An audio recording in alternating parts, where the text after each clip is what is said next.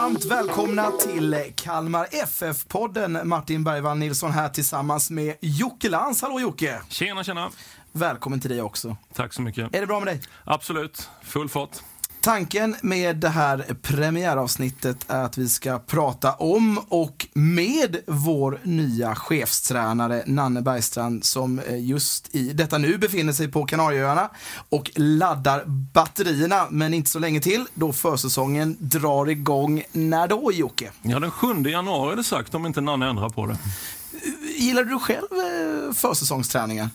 Ja, när det väl drog igång var det inte så farligt. Det var mer ångesten inför när man gick där i, december och käkade julmat och tyckte att man tränade för lite och tänkte att det kommer bli skitjobbigt första veckan. Men sen när man väl kom in i det så var det, man visste hur gött det var när man var så fulltränad sen framåt våren. Och den här försäsongsträningen eh, är ju inte mindre viktig än någon annan, Jocke. Nej, den här kommer vara oerhört viktig tror jag med tanke på hur fysiken har sett ut under säsongen i Kalmar FF. Ett Kalmar FF som är inne i en turbulent tid där hela organisationen måste anpassa sig till en ny ekonomisk verklighet eh, med eh, betydligt mindre resurser än tidigare. Det pratas om stålbad. Varför har det blivit så här, Jocke? Ah, det är nog ett antal kombinationer, men det är någonting som har pågått under ganska lång tid. Egentligen sedan man kom ut till Guldfågeln som har man haft problem med att få ihop siffrorna. Eh, arenafrågan har ju varit en del. Just årets säsong har det varit lite vikande publiksiffror. Eh, lite, möjligtvis lite högre kostnader, eh, sponsorsintäkterna något mindre. Men framförallt så har vi inte sålt några spelare direkt att tala om heller. Inga, inga större spelarförsäljning och ska man bedriva elitverksamhet i fotboll och inte är ett storstadslag som har 30 000 på läktarna så, så måste man lyckas med en, en hyfsad spelarförsäljning med jämna mellanrum. Man ser det väldigt tufft att få ihop det som det är i nuläget. Du sitter ju i styrelsen och även i den sportsliga ledningsgruppen då, eh, som man startade nu i höstas. Eh, din roll har kommit att bli ganska operativ och du har ju dragit ett jättelass här under hösten. Berätta lite om, om den sportsliga processen som du har varit med i? Nej, men det har varit mycket frågor. Vi inledde väl ganska mycket arbete med den sportsliga ledningsgruppen i, i somras någon gång och mycket träffar. Då, då var det ju med eh, Mattias, Magnus, Jesper, Jens Nilsson och, och, jag som var med. Och då var det mycket frågor kring det sportsliga för vi låg ju ganska dåligt till där redan i somras. Så tankar kring nyförvärv och liknande och sen efter det att eh, Magnus sa upp sig i oktober så har ju väldigt mycket av arbetet handlat om att ja, hitta huvudtränare och vi har även haft mycket tankar kring sportchefsrollen och så försvann ju klubbchefen med så då är det klubbchefsrollen så det har ju varit vi har fått gå in och göra ganska mycket jobb i styrelsen eftersom alla ledande befattningar har ju stått tomma i princip i Kalmar FF eh, delvis under hösten. Men eh, nu är en viktig pusselbit bit på plats då. Eh, nu föll valet på, på Nanne Bergstrand och, och, min första fråga till dig är, var han förstahandsvalet?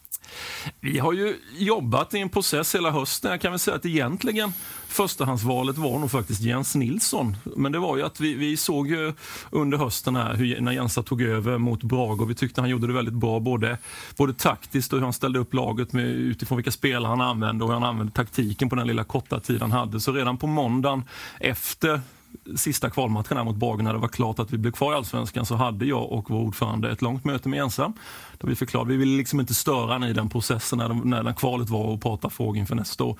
Där vi sa just lite av stabilitet, han kan föreningen och, och ställde frågan och erbjudandet till honom att vill du träna Kalmar FFs A-lag nästa år? Liksom. Och han tog en rejäl funderare och vi gick bottnade det här rejält men han valde då att tacka nej Jens. För han, han vill gärna jobba med ungdomar, han gör ett väldigt bra jobb i akademin. Så att, eh, det var ju bara att acceptera det helt enkelt.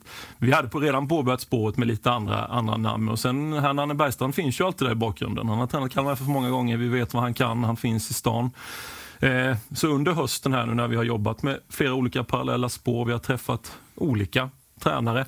Det är ju lite konstigt, det är en rätt sjuk bransch det här men kan jag säga. Jag har inte varit på den sidan så mycket. Men, men när det väl blir klart att vi inte har någon huvudtränare först. Jag tror vi har fått från olika agenter, det är nog 20 namn tror jag mm. totalt sett. Jag har en lista med spanjorer, engelsmän, tyskar, finnar, norrmän, olika svenska tränare som är lediga som bara droppas in. Här har ni, han är kanonbra, så skickar de ett CV. Liksom. Men det, det är inte lätt att utvärdera det. men eh, till slut, efter en process och vi har funderat mycket kring vad vi vill ha 2020 så följer valet på att erbjuda och prata med Nanne om han var beredd att träna laget 2020. Och hur ser eh, Nannes kontrakt ut? Det är ett 1 plus 1 års kontrakt. Så det är just som Nanne, Nanne hans komma in här och stabilisera. Litet mentorskap till våra unga tränare som finns i akademin också. Kanske för att överföra den kunskap som finns hos honom till, till ytterligare tränare i vår organisation. Men framförallt så är ju startsträckan är väldigt kort för honom.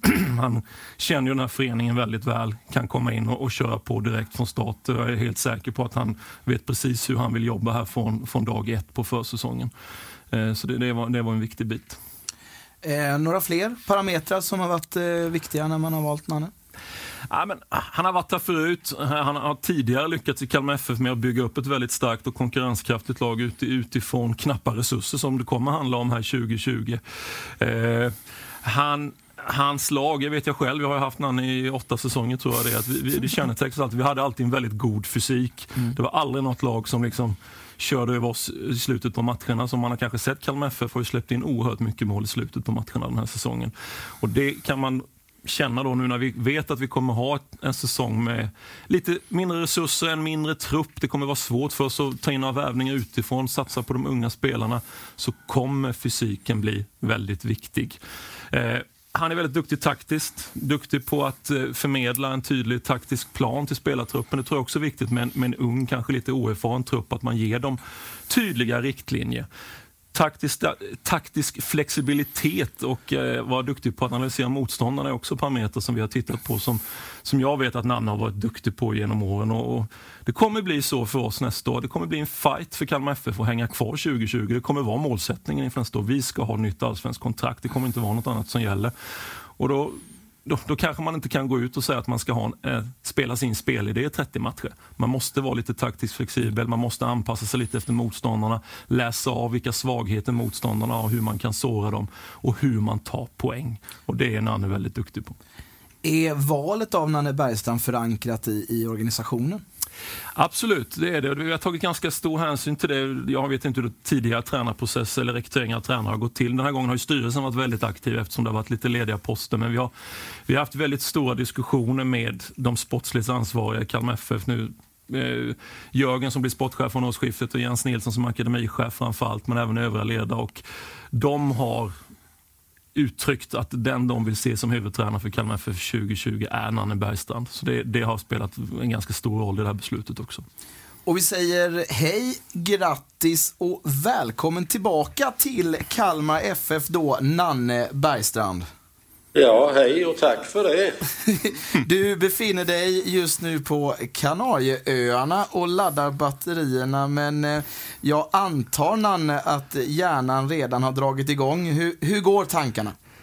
Ja, det är klart att eh, när det har kommit på tal om det här med tränarjobbet Kalmar FF så är det klart att det startar upp och när man har bestämt, bägge parter bestämt sig för att köra så så blir det ju framtidstankar ganska kvickt på hur det ska vara. Men det är, samtidigt är det väldigt mycket frågetecken som påverkar eh, hur man kommer att göra i framtiden. Mm. Ett stukat Kalmar FF med mindre ekonomiska resurser än någonsin. Det är ju inget drömscenario som eh, du, du kommer in i. Kommentar på det? Nej, det påminner väl mycket om situationen som var när jag kom tillbaka till Kalmar FF 2003.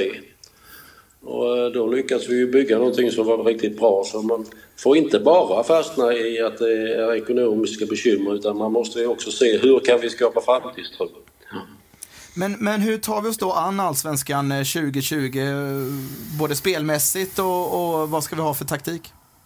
Ja, det kommer ju spelarmaterialet att avgöra. För det är viktigt att utnyttja de egenskaperna som finns i laget. Eh, och det kan man väl, tycker jag, ha sett i år att eh, de här de har lite extra kvaliteter, typ Romario de här, har sett väldigt låsta ut i sitt spel. Och det behöver inte vara tränarens eh, fel i det, utan, men det gäller att ge vissa spelare som har kvalitet och frihet att göra det de är bra på. För då får du ju ofta bra kvalitet i spelet. Men sen gäller det också att träna på att vinna matcher. Och det, är ju inte, det kan man ju göra utan att spela matcher, så det där har ju väldigt mycket det undermedvetna. Förlorar du väldigt många matcher så sätter ju det där sig i, i det undermedvetna att man inte riktigt tror på det. Och det, mm. det finns ju vägar att träna detta och det har vi alltid gjort i Kalmar FF så att det, när jag har varit där så det kommer vi fortsätta med. Sen en annan bit, och det var ju Joakim inne på här med att man släpper in väldigt mycket mål, eller har släppt in väldigt mycket mål i slutet på matchen. Det kan ju vara tillfälligheter att man gör det, men när det är så över en hel säsong så är det ofta bristande uthållighet som gör detta. Och då, fotboll är ju ett väldigt mycket ett mentalt spel. Så att eh, oavsett vilket spelsystem man använder så möter spelaren någon annan spelare man-man situationer i matchen över 90 minuter. Känner man då att man är stark och uthållig så har man, känner man ju ett övertag mot sin motståndare. Och i den, den, det självförtroendet är oerhört viktigt att ha med sig in på fotbollsplanen. Mm. Du är, eh, ja, men du är numera ganska gammal i gamet. Elaka tungor kanske skulle mm. säga att du inte riktigt är up to date med eh, varken taktik eller träningsmetodik. Vad, vad säger du till de elaka tungorna? Ja, då säger jag att fotbollen är omodern i så fall. Alltså eh, fotbollens sätt att vara. För det är ju väldigt vanligt inom näringslivet till exempel att man har något som kallas senior advice. Alltså ta vara på den erfarenheten som finns och kunskap.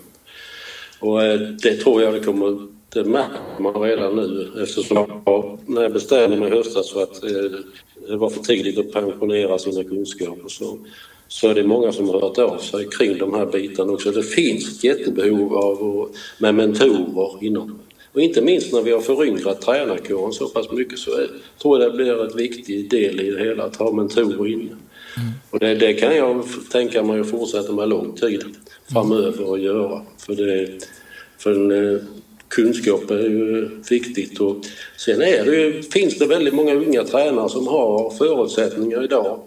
Men många gånger tror de att de kan mer än de kan och så åker de på en smäll och då tappar de självförtroende. Så att man behöver någon att prata med. Mm. Så mentorskap tror jag blir viktigt i framtiden.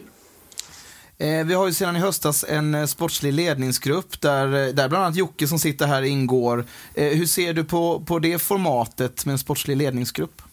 Ja, det är bra. Det tycker jag är jättebra. Vi hade ju något liknande då under perioden också med när Kjell Nyberg, Ronny Nilsson och jag och sen Svante Samuelsson. Vi satt ju i våra möten och diskuterade saker så det var ingen ensam som tog besluten utan det var gemensamt. Men sen ofta framställs det att det är någon e-, enskild som tar eller som har gjort de här besluten men det är ju ofta ett teamwork och det är ju ofta det bästa. En eh, sista fråga då Nanne, har du någonting att säga till fansen där ute som trots allt har stått upp väldigt starkt för Kalmar FF under eh, den gångna säsongen? Eh, har du någonting att säga till dem? Ja, det har de verkligen gjort. Och, eh, ja, jag hoppas att de fortsätter att stötta oss. För vi, det är viktigt, ett väldigt viktigt år för Kalmar FF. Utmaningen är stor. Men vi ska göra allt vad vi kan för att stabilisera detta.